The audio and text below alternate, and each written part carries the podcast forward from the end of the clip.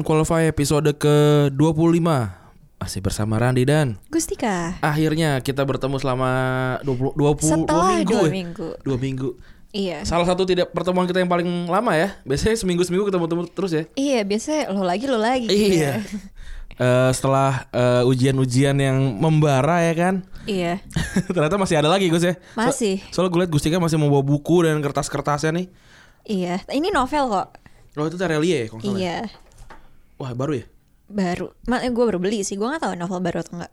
Gue lagi baca buku yang dipinjemin sama Dex buku-buku bola gitu sih. Hmm. Dan gue tahun ini tuh salah satu tahun yang paling sedikit gue baca buku paling berapa ya lima kalau nggak salah nggak banyak gue. Gue kayaknya juga deh. Tapi lebih dari lima. Gue ya, ini ini cetakan ke 19 Oktober 2019. Oh, ini mungkin udah. tahun ini ya. tahun ini ya. Ta- tapi gue nggak tahu kecetakan ke berapa lagi. Gue nggak Ada gue berapa cuma baca buku? Terelia tuh yang eh, daun tidak pernah membenci angin kalau nggak salah judulnya itu. Gue belum belum baca. Ini buku Terelia pertama yang gue baca. Dan gue belum selesai jadi gue belum bisa kasih komentar bagus atau enggak. Ter- Terelia itu ternyata cowok loh btw. Emang ada yang kira cewek? Gue pertama. Oh, Gua- iya? gue kira cewek pertamanya. Tahu nggak ada ilustrator Hmm? eh, nama kayak Aku nih. akunnya atau artnya dia namanya Komik Rookie. Hmm. Pada kira dia cewek. Ternyata cowok. Cowok, emang cowok. Emang- Ruki emang- itu Nu- Ruki Naraya gitu kan. Ruki itu dari Haruki karena dia suka Haruki Murakami. Oh Haruki Murakami emang bagus banget sih. Emang emang gambarnya kayak cewek apa gimana maksudnya? Kayaknya cowok C- Cuma gara-gara nama doang. gara-gara nama sih. Jadi kayak Mbak Ruki, Mbak Ruki kocak sih. Oh itu yang ke yang ke Cina ya? Ke Cina sama, Sama- gue. sama lo ya? Iya. Hai Ja- Mas Desta kalau Mas Desta mendengarkan saya. Namanya Desta. Nama aslinya Oh. Tampan Destawan. Ikan- Cowok banget kan? Tampan Desta Cowok cowok, banget. banget. Kali ini kita ada bahasan yang apa ya? Yang tiba-tiba menyeruak nih. Kita kemarin pengen ngebahas eh kita pengen hari ini pengen ngebahas tentang Insecurities. Yoi, yang tadi akhirnya gua cari kita tadi sempat diskusi tuh artinya apa sih kalau dalam bahasa Indonesia? Gue kira nggak Iya. pede atau apa ternyata perasaan tidak aman. itu su- sungguh harfiah sekali ternyata. Iya perasaan tidak aman dengan kayak takut merasa bersalah, tidak mampu, kekurangan atau malu. Tapi mungkin paling apa ya melekat sama, Sama lo yang mana? Kalau sama lu yang mana? Kalau gue kekurangan, eh ke, semua sih Kalau gue agak, Tergantung. Nah, kalau gue tidak mampu, tidak mampu ya. kayak ya takut aja gitu, eh, takut gak pas. Kayaknya gue gue juga sih kayak lebih ke tidak mampu sama bersalah tuh 11 12 lah ya. Hmm. Mungkin lebih ke tidak mampu, tapi dulu tuh gue kekurangan. Kenapa? Kenapa? Kenapa waktu itu lu, lu nganggap diri lu se- merasa kurang gitu? Hmm, ini pertama-tama, Hmm. ini tuh gue propose topik ini ke lo. Kenapa? Iya, gue belum Iya. nanya nih, gue belum nanya. Gue belum nanya kan? Gara-gara gue habis nonton film, eh, gue da- gue nonton special screeningnya Imperfect, filmnya Eh, Ernest Prakasa Ernest yang baru. Prakasa. Oh si Jessica Mila ya? Iya, fuck gue suka banget. Bagus filmnya. Filmnya bagus banget. Hmm. Menurut gue bagus banget lo harus nonton karena kayak temanya tuh dalam, Hmm. tapi kocak gitu loh. Jadi kayak pembawaan tema dalamnya tuh bukan yang kayak bikin lo mikir banget, tapi lo masih bisa ketawa. Gue udah liat trailernya sih. Udah ya? Heeh. Menurut gue sih bagus banget. Hmm. Gue kan sebelum hari sebelumnya tuh gue nonton eh apa tuh film Kim eh, Kim Ji Young Yang Born in. Born 1982. Heeh. Menurut gue filmnya biasa aja. Tapi oh iya banyak yang bilang bagus banget tuh filmnya. Hmm, iya, gue gue gue tahu sih kenapa banyak yang nganggap bagus. Tapi kalau untuk gue, it felt kind of slow. Hmm. Tapi bagusnya dia memang menyentuh segala aspek dari kayak kesenjangan eh, gender di Korea Selatan. Hmm. Kalau imperfect itu hanya menyentuh satu hal aja, tapi pembawaannya kocak. Dan itu yang bikin gue suka. Body shaming ya? Tentang tentang badan dan diceng-cengin karena lu gendut gitu segala dan macam ya. dan kayak pekerjaan kayak efeknya ke pekerjaan dan lain-lain. Jadi lebih kayak mencari jati diri. Gue nggak mau terlalu spoiler sih tapi intinya di situ. Tapi it's like hilarious aja. Tapi kalau Kim Ji Young itu mungkin kita ngelihat semua orang di situ. Jadi yang sorry. Ya. mau gue. Yang mungkin gak disentuh di film ya seenggaknya gue nggak lihat disentuh di filmnya ya. Itu mungkin gue nggak tahu sih subtitle juga ada yang salah by the way gue kayak Baru les Korea nih. Kayak gue pas dia bilang kayak pas dia bilang enggak eh enggak pas dia bilang iya Hmm? di subtitle enggak atau Oh. kebalik gitu Heeh. Itu- gue lupa pokoknya gue kayak hah gitu terus gue bilang sama Dennis teman sebelah gue kan kemarin nonton anyway um, sebenarnya Kim Ji Young itu nama yang paling uh, common, Hmm. yang paling umum untuk orang yang untuk perempuan yang lahir tahun 1982. Oh ibaratnya kayak Sri gitu ya kali ya kalau di sini ya. Hmm. Atau Bambang. Kayak Bambang untuk cowok. ha. Iya di tahun Di tertentu. tahun itu, ha-ha. Ha-ha. Dan jadi dia tuh kayak dia menjadi every woman Hmm. yang dia pernah ketemuin. Itu kan menyentuh mental health segala macam. Hmm, Tapi karena mungkin ya orang kan pada bilang bagus banget. Mungkin karena gue baca bukunya, walaupun gue baca bukunya baru setengah dan pakai bahasa Spanyol dan Ini bahasa biografi ya btw. enggak, dia lebih kayak nyentuh apa ya? Ya itu isu sosial di Korea aja gitu. aha.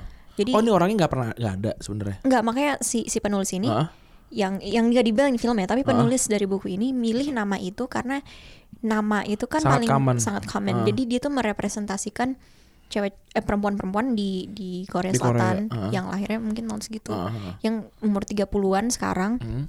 yang mengalami kayak krisis gitu loh. Bukan Hmm. krisis identitas tapi lebih kayak apa ya? Lo mau kerja susah karena di sana eh, Korea kan yang negara OECD yang salah satu gender parity-nya paling rendah. Hmm. Jadi itu nyentuh di situ secara spesifik sih.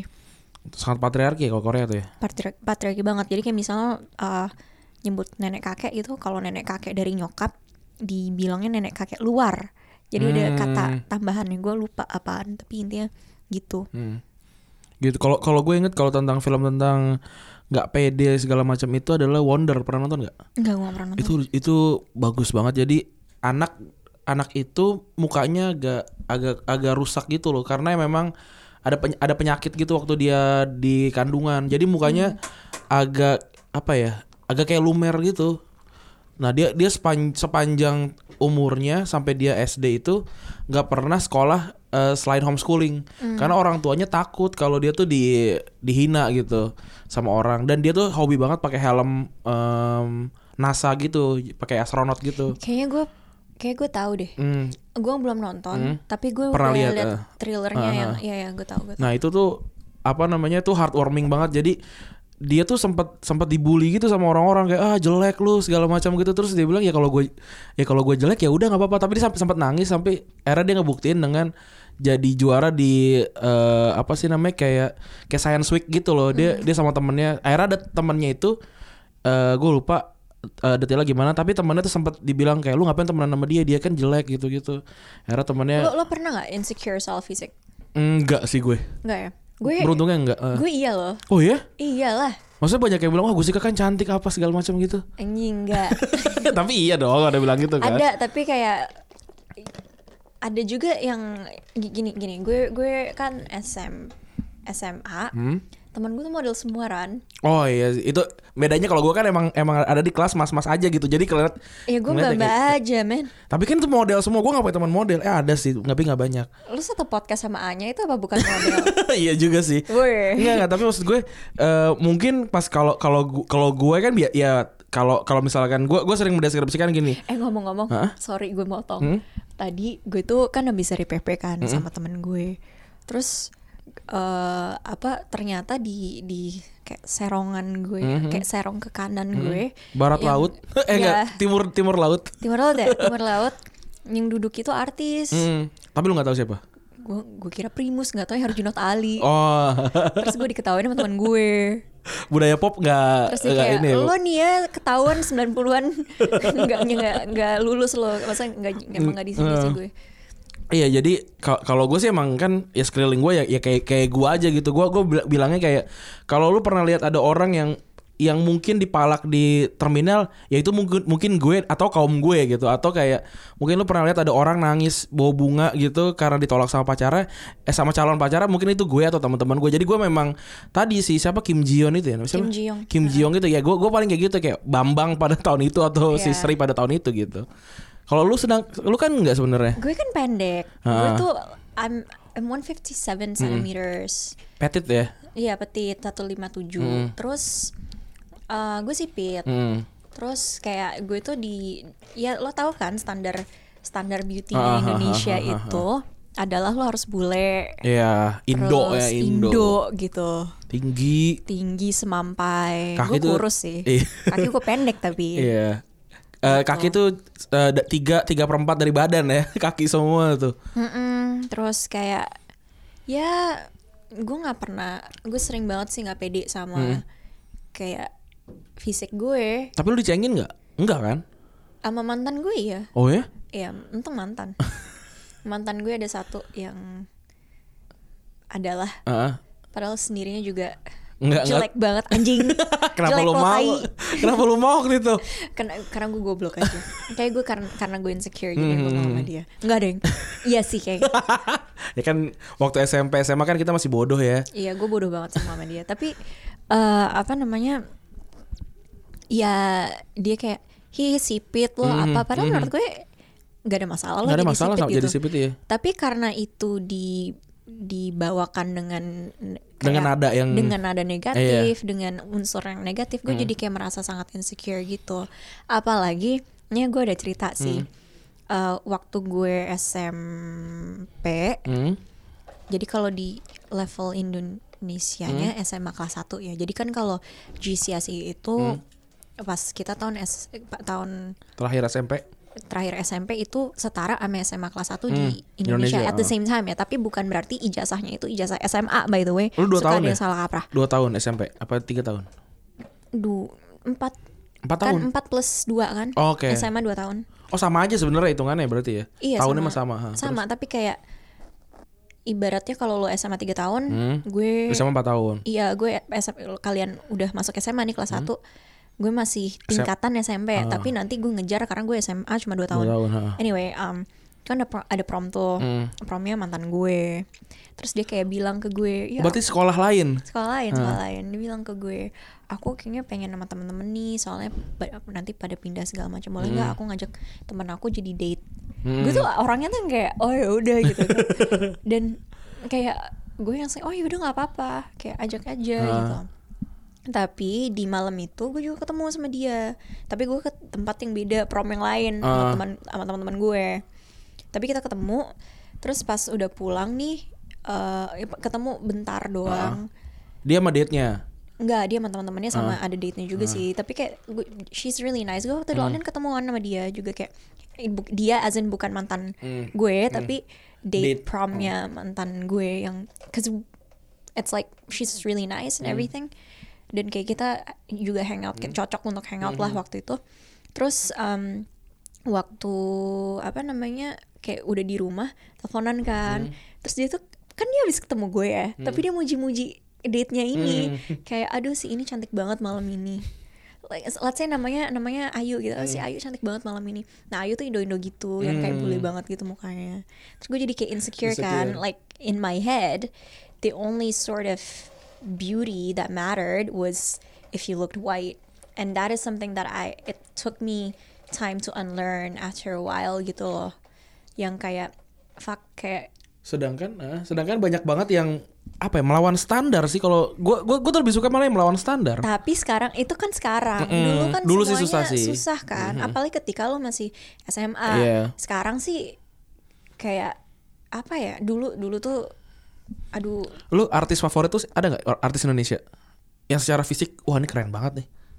gak ada sih. Gue Tatiana Akman gue suka banget. Itu yang mana? Tatiana Akman tuh yang main eh apa sih namanya tiga darah tuh itu gue suka. Tara Basro gue juga suka. Dan itu semuanya coklat. Gue gue memang suka yang coklat. Hmm. Gue gue suka ya yang ya nggak bisa bilang di Indonesia Indonesia banget ya karena ya mereka juga nggak nggak lihat Indonesia banget gitu. Maksudnya ada ada bule-bulenya gitu gue juga nggak tahu sih. Tapi apa namanya gue suka yang kayak gitu. Terus kalau yang yang putih gue suka si ini kita ngomong ngomongin putih dan hitam sebenarnya nih. Eh apa namanya gue suka sama siapa namanya Laudia Sintabella gue suka. Ini kan pada akhirnya lo ngomongin warna kulit kan all everyone is beautiful gitu Aha, kan. iya makanya makanya makanya seben- sebenarnya sebenarnya apa namanya gue gue suka tapi kalau kalau ditanya suka yang seperti apa mungkin gue agak melawan standar karena gue suka yang keriting gue suka yang agak gelap gitu. Kalau kalau lu ada ada preferensi gak sih kayak gitu gitu Enggak men. Gue suka Min Yoongi Cowok gue Cowok gue tuh kayak Dia tuh jadi bahan Bahan apa namanya Bahan bulan-bulanannya keluarga dia Soalnya kan dia hitam sendiri kan. Jadi kayak iya ibu oh ini Dennis eh, yang lainnya putih? Nyokapnya kan putih. Bokapnya gelapnya gak segelap Dennis ya. Ah. Dennis tuh kayak apa iya nih tante waktu hamil Dennis tuh ngidam teh botol sama rawon jadi Dennis keluar warna coklat gitu Adanya adanya putih juga. adanya iya gitu kayak Dennis tuh emang kayak kejemur aja sih nggak tahu ya mungkin eh, matahari Surabaya beda sama matahari Indonesia yang lain kan. iya, kan Miniwi sipit putih Iya, iya. terus eh, Dennis belok coklat, Coklat, Jawa nggak tinggi tinggi Heeh. amat Ya kalau lihat mantan-mantan gue juga beda-beda sih. mantan gue bule satu Hmm. orang Prancis Gue mantan-mantan gue Sebelumnya semua Indonesia penting. semua tapi ya beda-beda gitu. Ada yang ada yang tinggi, ada yang pendek, ada yang hitam, ada yang putih banget gitu. Hmm. Ya, su- sukunya segala macam beda ya. Ya, ya lagi itu tapi kadang-kadang malah justru orang-orang yang yang kita kira cantik ternyata insecure sama dirinya sendiri gitu. iya sering kali gitu Ada yang sampai bulim apa bulimia, Bu- bulimia bulimia, ya, anoreksia. anoreksia Iya segala macam sampai segitunya. Padahal kalau kita lihat, anjir, gue sih gue sih mau loh eh, apa namanya mau jadi kayak lu tanpa tanpa harus minta apa-apa lagi. Gue mau jadi lu titik udah gitu. Ba- Banyak banget yang kayak gitu kan. Ini tapi ya kalau kalau yang kayak yang kayak gue kan mas-mas biasa gitu. Ya pengen lah jadi jadi yang kayak siapa lah Aryo Bayu lah apa segala macam gitu pengen gitu. Tapi ya udah kalau Rio Dewanto. Rio Dewanto gitu kan itu meskipun meskipun dia keturunan Cina tapi nggak apa-apa deh gue Cina Cina kayak gitu nggak apa-apa deh. iya iya tapi ya itu dia kan maksudnya sampai sekarang aja ya Hmm. uh, waktu itu gue foto sama salah satu youtuber Hmm. yang waktu datang ke acaranya asumsi waktu gue- kita jadi unicorn Oke oke oke oke oke. Terus pokoknya di ada adalah di Instagram gitu. Aha. itu kan gue dari asumsi Hah? terus itu dari kokas kan Hmm. terus gue sempat ke kumparan Hmm. terus gue balik lagi ngebut ya. Ngebut kan. Tuh gue udah udah lecek tuh gue gue sih ngerasa gue lecek tapi kayak ya udah itu muka gue muka muka gue gue gue terima terima aja gitu ya Diceng-cengin. Kalau ada ceng-cengin. bukan maksudnya kayak gue tuh at I- that embrace point- aja, embrace. Iya, at that point in time gue tuh udah udah menerima gue apa adanya, Mhm. nggak kayak nggak isn't insecure kayak dua gue sama Mhm, dulu mhm. gitu. Sama gue insecure banget, kayak gue nggak pernah ke sekolah nggak pakai makeup. Sekarang gue berani kalau nggak pakai makeup. Dulu gue Iya. nggak berani. Anyway, kayak tetap aja gitu terus kayak fotonya masuk Instagram ada yang komen, iya, ih Gusika eh, mukanya kayak Mbak Mbak. Ya nggak apa-apa Mbak Main nomor juga ada yang cakep kali. Iya, tapi kayak lo tahu kan kayak Heeh. itu sebenarnya it's not actually an insult, cuma dengan nada yang dibawakan dan dan kayak narasi yang dibawakan itu sebuah narasi yang menghina. Terus gue langsung insecure, tapi gue pikir ya udah sih, emang kayak emang Iya, iya. muka gue lo mau apa? Ya nggak bisa dirubah Lo juga. mau bayarin iya. gue operasi kayak mbak mbak di Rut apa mbak mbak simpenan di Rut Garuda? Ya ada cerita lucu lu mau ceritain yang tadi nggak? Yang ceritain ke gue. yang mana nih? Yang ada cerita tentang Dennis. Yang Dennis di, di- eh, Dennis dikira Yang foto-foto itu apa yang yang menyelundupkan gini, Harley. Kocak, yang kocak Dennis itu dikira yang menyelundupkan Harley karena kebetulan tanggal dia terbang ke sini sama tanggal Terkuak, kejadian itu heeh. kurang lebih kayak beda sehari apa Mhm, gimana. mhm. Terus kan itu kan kayak tiba-tiba muncul kan. Tapi emang dia bawa Harley. enggak.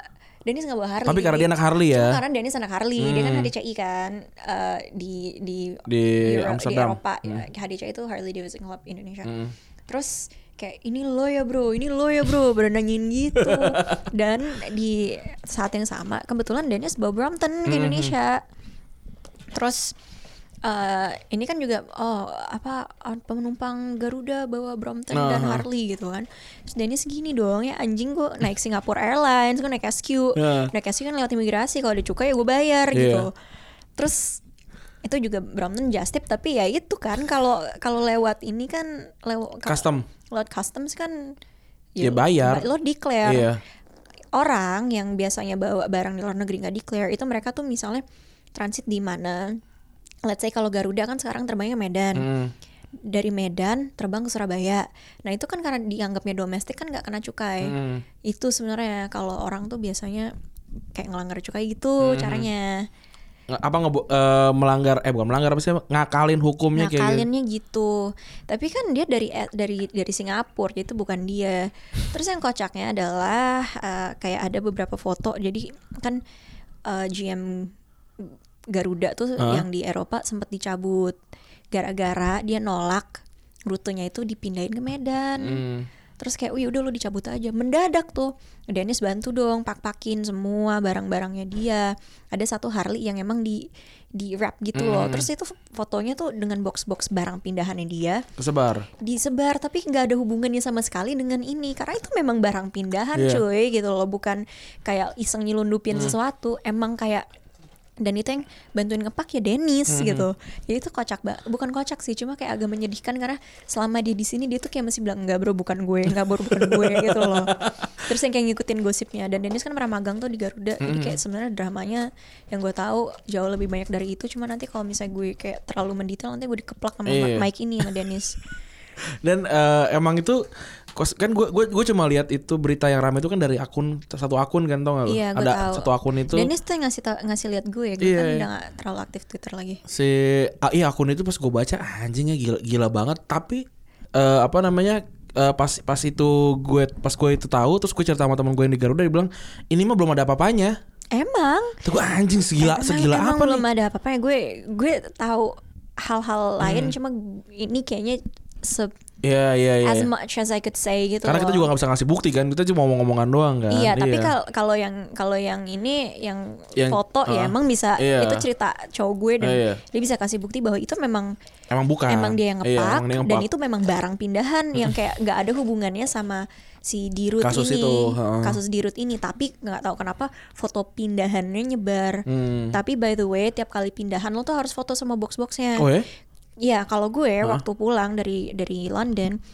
barang gue satu persatu di list buku yang gue punya satu persatu. satu buku di list itu Iya, jadi kalau misalnya ada yang hilang ada yang apa terus kayak un- untuk asuransi, untuk apa, untuk Hmm. jadi ini di London tuh sempet uh, ada satu company kok gue lupa namanya apa. Itu sebenarnya company yang gue pakai untuk pulang ke Indonesia, tapi gudangnya kebakar.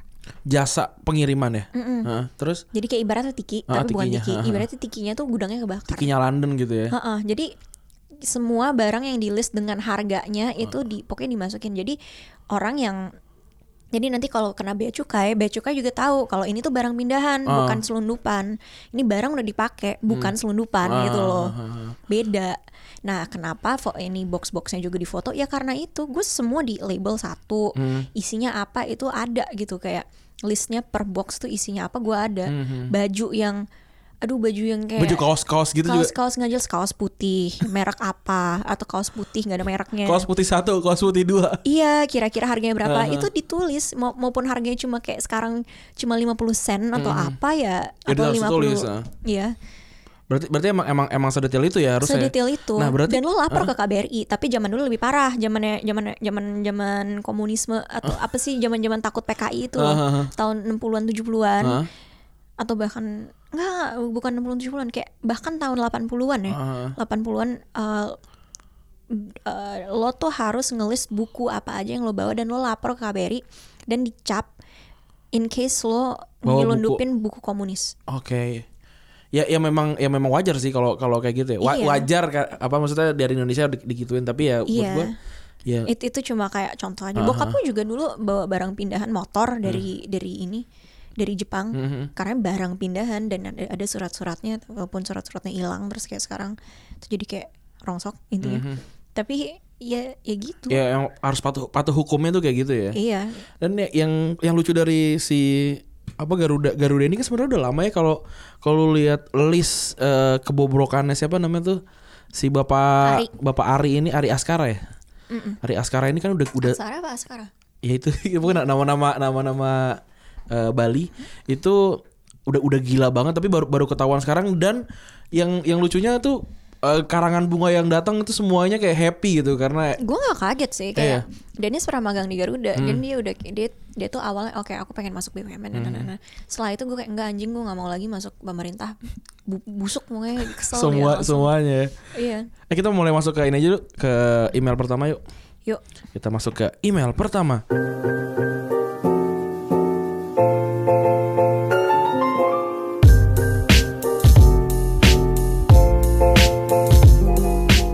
Insecurity dan Alasan Bahagia. Oh langsung dua nih berarti ini dia nih. Halo Kak Gustika dan Kak Randi, mau sharing dikit soal judul yang akan dibahas. Sebenarnya menarik karena justru gue mendapatkan keduanya di momen yang bersamaan. As a big fan of Running Man, Running Man tuh apa? itu loh eh, kayak acara Korea yang Running Man Oh, oh se- series itu ya yang rame yang orang rame-rame yang main ada Kwangsu main main game itu ya? Oke. Eh, kedatangan mereka full member ke Indonesia itu merupakan hal yang sangat luar biasa. Udah ngikutin mereka semenjak 2013 meskipun mereka udah berjalan dari 2010. Nah, alasan bahagia gue tidak hanya berhenti karena mereka, karena mereka datang. Brand yang sekarang kerja sama BTS itu merupakan sponsor utama kedatangan mereka. Mereka mengadakan promo untuk mendapatkan potongan pembelian tiket Running Man.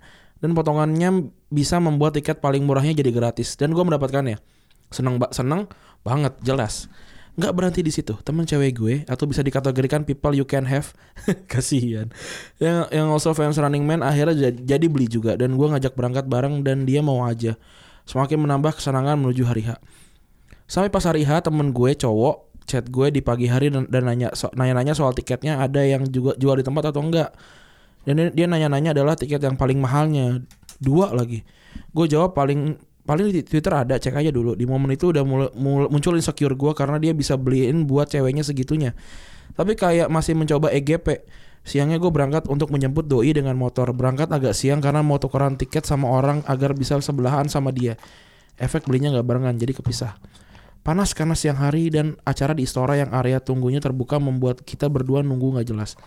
Dia jadi lepek, gue makin gak enak sama dia dan ternyata berakhir gue gagal bersebelahan karena lupa komunikasi satu sama lain. Eh sat- sa- satu sama sama satu orang buat nuker. Temen gue yang beli tiket mahal ketemu setengah jam sebelum masuk venue. Dia bilang habis dari mobil dan nunggu di efek soalnya. Di momen itu gue ngerasa nggak nggak layak karena nggak bisa nge-treat cewek sejauh itu. Bukan karena teman cewek gue nun- nuntut, tapi gue merasa she deserve better. Sama nonton konser Running Man itu cukup membantu gue mengalihkan pikiran itu. Pas pulang setelah antrian temen cewek gue ke rumahnya, gue bawa motor sambil bilang sampai sam- sambil bisa dibilang setengah bengong karena mik- mikirin kejadian satu hari itu. Hal tergilanya adalah semua yang harusnya gue senengin hilang karena ada rasa insecure gue. Gue sadar itu nggak bisa ita itu tapi nggak bisa ngendaliinnya. Dan rasa insecure itu bikin gue nggak berani deketin siapa pun sampai sekarang. Itu aja.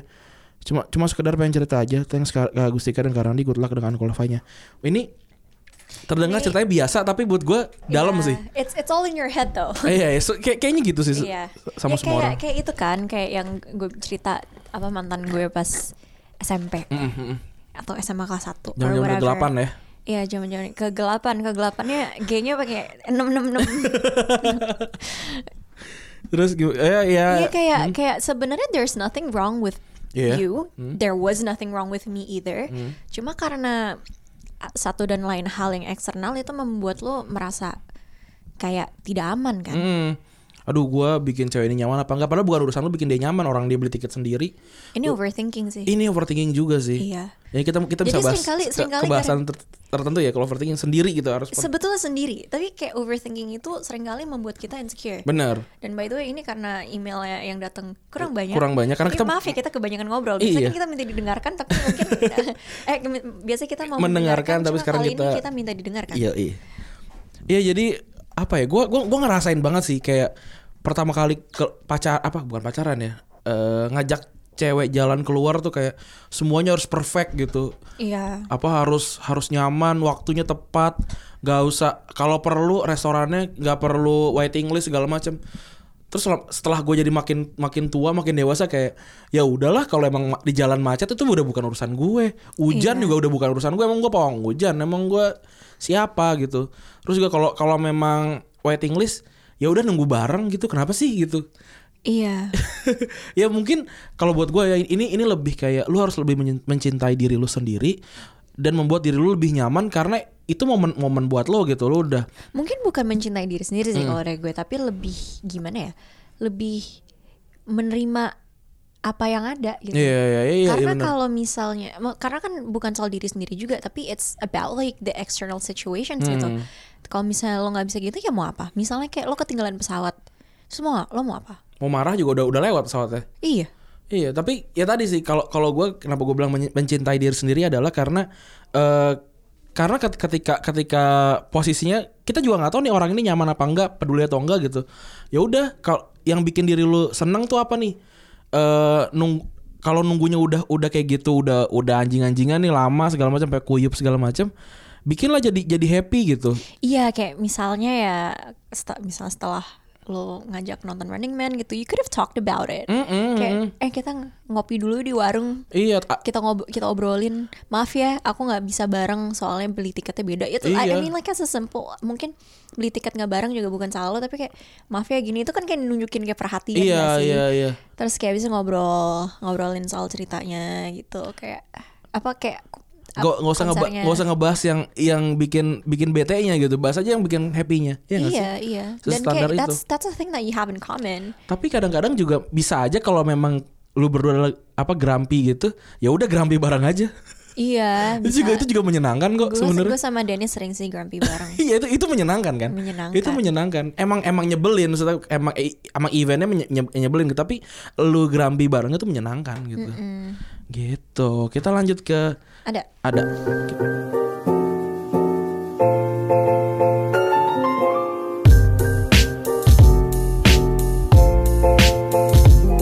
Insecurity judulnya. Halo Karani dan Kak Gustika. Kalau kakak baca email ini berarti emailku dibaca. Ya iyalah. Eh, kalau nggak pun nggak apa-apa karena at least aku udah keluarin apa yang aku rasain. Please nama dan emailku jangan sebut ya, anggap aja aku anonim. Aku mahasiswi tingkat akhir yang sekarang sedang baru ngejabat sebagai sekretaris umum di organisasi tingkat universitas di kampusku. Ibarat BEM atau DPM. DPM tuh apa? DPM itu apa ya? Dewan Perwakilan Mahasiswa kayaknya. Oh. Kayak DPR kali ini. Walaupun emang aku punya basic sekretariatan dan emang dari awal organisasi berkecimpung di bidang ini. Tapi tetap aja ada rasa takut karena menurut aku aku belum pantas buat megang jabatan setinggi itu. Ditambah ketuanya juga pacarku sendiri jadi tingkat insecurity aku meningkat. Takut nggak sesuai ekspektasi dan malah ngecewain banyak orang. Khususnya buat pacarku. Aku juga takut diomongin orang karena nggak pantas dan pasti bakal ada omongan karena aku jadi sekretaris umum salah satunya karena pacarku ketuanya. Menurut Karandi dan Kak Gustika gimana cara buat ngilangin rasa insecure ini? Kalian juga pasti pernah ngerasain, insecure kan? Tolong share tips kalian buat ngil- ngilangin rasa insecure yang pernah kalian rasain. Thank you so much. Wah saya pernah sekali. Gua pernah hampir ker- eh, ditawarin kerja di kerjaan yang yang karena bokap gue dipandang gitu. Hmm. Ya ke- kebetulan sih waktu itu gue bisa tolak tapi kalau kalaupun misalkan gue masuk segala macam pasti gue pasti insecure sih karena karena gue ke sana pasti bukan karena gue pintar pasti tapi karena bokap gue sih. eh ya apa namanya kalau kalau tentang di kampus gitu tentang jadi ketua segala macam gue pernah jadi ketua karena tahun sebelumnya gue bantuin ketuanya gitu itu awalnya gue ngerasa insecure tapi setelah gue pikir-pikir kayaknya gue jadi ketua ini bukan karena bukan karena itu deh tapi karena emang gue yang paling capable di sini kalau lu gimana Hmm, itu dia. Gue barusan nyari hmm? istilah apa de- definisi dari istilah imposter syndrome. Hmm. Imposter syndrome, bleh. Imposter syndrome can be defined as a collection of feelings of inadequacy that persist despite evident success. Hmm. Ini mungkin yang dirasain sama i- si apa? Mbak FJ FJ, FJ ini Fardani Yusuf. hmm, Fardani Mbak Yusuf, iya. Fardani. Nama tengah saya itu. iya, jadi kayak gue sering banget sih ngerasa imposter syndrome. Karena kejadian yang itu loh, Hmm. yang kayak tiga, gue baru pulang tiga minggu Hmm. ke Indonesia. Dan di saat yang sama, sebenarnya gue tuh lagi ingin meniti karir gue. Sebelumnya itu gue udah itu kayak misalnya kayak yang ngerjain yang berhubungan dengan UN, terus jadi youth delegate apa segala macam. Dan itu gue capai dengan usaha gue sendiri sejujurnya walaupun ya di, dari luar orang kan ngeliat "Ya, sih kan privilege makanya bisa kayak gitu ya bener gitu kan kalau misalnya gue bukan anak diplomat mungkin gue nggak tahu scope atau Hmm. apa ya kesempatan-kesempatan yang di situ ad- ada yang ada tuh apa tapi kan gue juga bukan kayak minta daddy can I get like this job ya bukan kayak gitu Ya, kebetulan Sebetulnya, aja. kebetulan aja anyway tapi itulah yang kayak membuat gue ngerasa jadi imposter syndrome itu ini kayak kayak mbak FJ ini Hmm. apalagi yang tiba-tiba kayak gue tuh di di dimasukkan ke dalam satu like in the same sort of box or category as my grandfather sampai sekarang aja masih kok yang yang bilang kayak oh iya Gusika kan palanya besar gara-gara dia jadi Bung Hatta mi, mi, mi, mi." yang kayak gitu but like at the end of the day apakah is, is that true? Hmm. no. You kn- I know myself dan kamu juga tahu kapabilitas kamu kan. Jadi dari situ nggak usah nggak perlu apa ya bukan nggak perlu insecure tapi believe in yourself. I mean inse- insecurity itu pasti akan terus ada tapi mungkin insecurity itu bisa menjadi kayak bensin untuk to you know fuel your sort of um, how to improve yourself. Gimana lo mau ngebuktiin diri Iya ya. diri lo gitu. Ngebuktiin diri sih itu itu apa ya?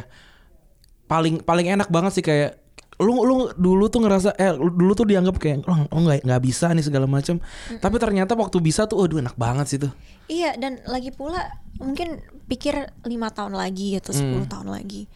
Ini kamu kalau misalnya kamu berhasil jadi sekretaris, it's something that you would put on your CV. Kamu kamu bakalan bisa nulis se- secara mendetail kamu tuh kerjaannya tuh ngapain aja. Dan kamu bisa cerita dan kamu bisa tul- tulis kayak apa yang kamu pelajarin dari situ gitu. Lain kalau misalnya kamu memang dapat jabatan itu karena karena pacar kamu terus kamu semena-mena dan kamu Iya. gak kerja dan kamu ujung-ujungnya anjing gue ngapain kayak waktu gue magang di DPR. Oke keren gue bisa nulis kayak gue sih Kak, pernah magang di DPR. Tapi kalau gue ditanya gue ngapain di sana, Nggak tahu. gak tahu. Makanya gue gak tulis di CV. eh keren Ngerti gak sih? Ngerti, ngerti, ngerti, Jadi ngerti. kayak hal-hal kecil seperti itu. tapi lu lu bela- kapan kapan mulai belajar untuk tidak mendengar orang lain Gue masih belajar untuk enggak. Oh ber- berarti masih masih proses ya? Masih proses. Semua orang tuh pasti proses. Mhm. kalau Seperti katanya. masuk masuk khazanah BTS nih. Masuk ada ke ada ada nih. Masuk ke sana BTS. Eh, waktu awal-awal. Iya ketawa mulu. Waktu oke waktu awal Yungki sama sama Namjoon itu dia dia masuk BTS itu kan dia jadi bulan-bulanannya underground rap kan. Gara-gara mereka tuh berawal jadi they were underground rappers terus tiba-tiba mereka harus Boy ada di dalam iya satu situasi di mana mereka harus pakai makeup segala macam.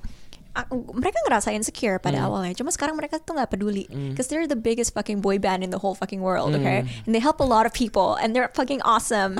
Terus kayak akhir tapi bukan berarti mereka nggak memikirkan hal-hal tersebut gitu. Kayak ini gue udah pernah bilang di podcast podcast sebelumnya kayak RM pernah bilang Namjoon pernah bilang mungkin lo nulis itu 5 detik dan nggak pakai mikir. Tapi kadang komentar tersebut bisa kayak kena di gue either 5 menit 5 jam 5 hari Lima gue tahun. bisa lima tahun gue bisa mikirin. Iya. tapi di situ mungkin dia mera- dia juga apa sih melampiaskan eh keluh kesahnya melalui karya-karyanya dia gitu. Dia kayak misalnya lagu-lagu Cypher itu kan semua buat hatersnya Iya. mereka kan. Terus kayak lo kalau dengerin kayak eh, apa sih album mononya eh, RM yang tentang mental health dan kayak Y- Yungi yang yang soal pokoknya mental health juga dan juga kayak everything that the haters like kind of how that, that affected them. Tapi juga gimana mereka nggak peduli. Jadi semua tuh proses pada akhirnya.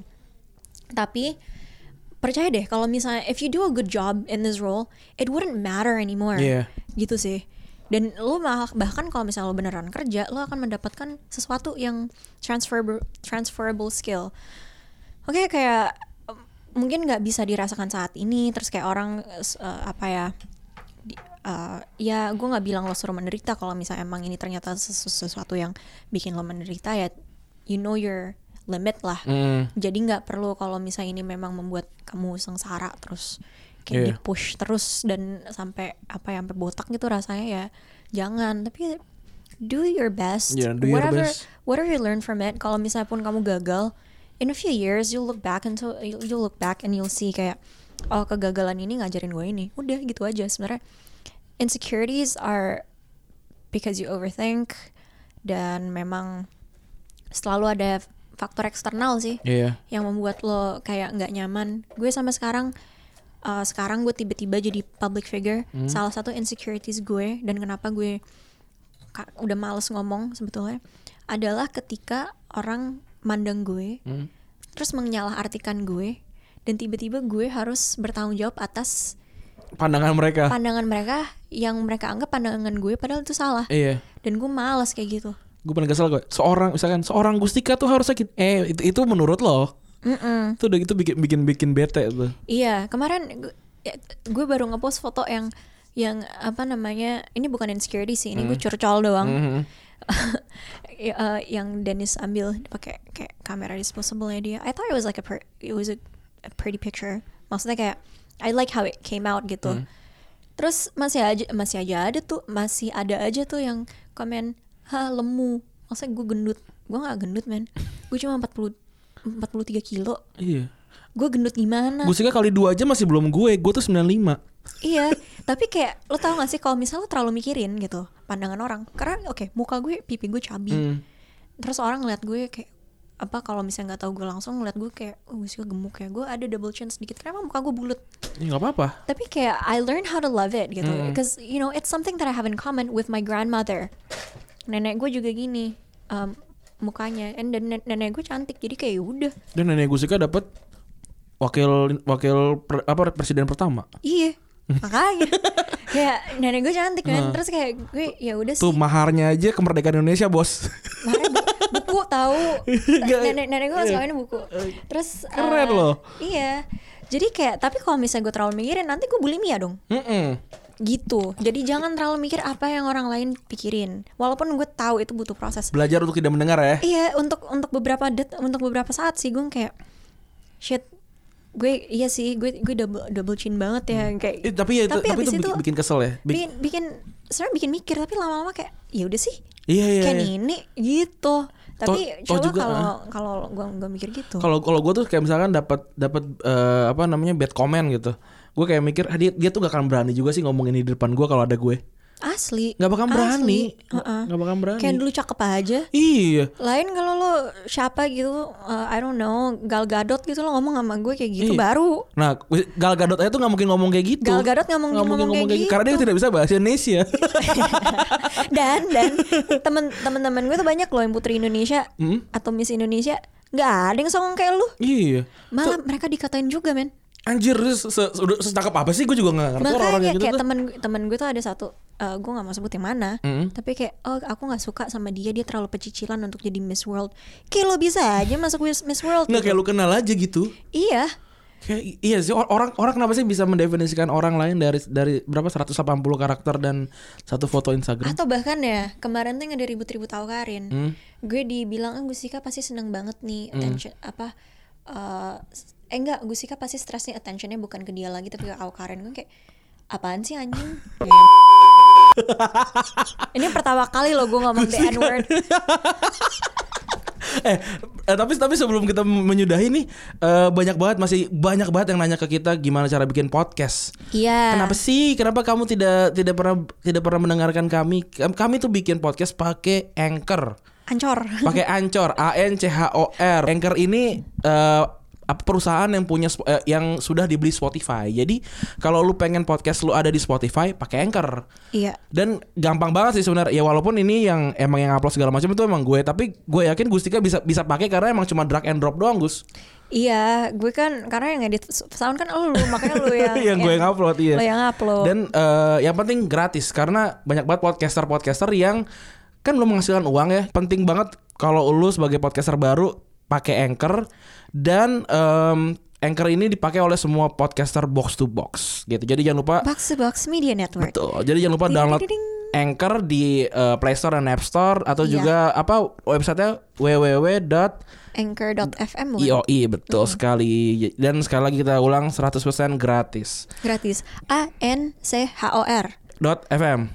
dot FM. Yoi. Jangan salah tulis. Ini aja episode ke-25 kita. Terima kasih teman-teman yang sudah mendengarkan. Saya Rani cabut. Terima kasih. Saya Gusika juga cabut. Bye. Bye.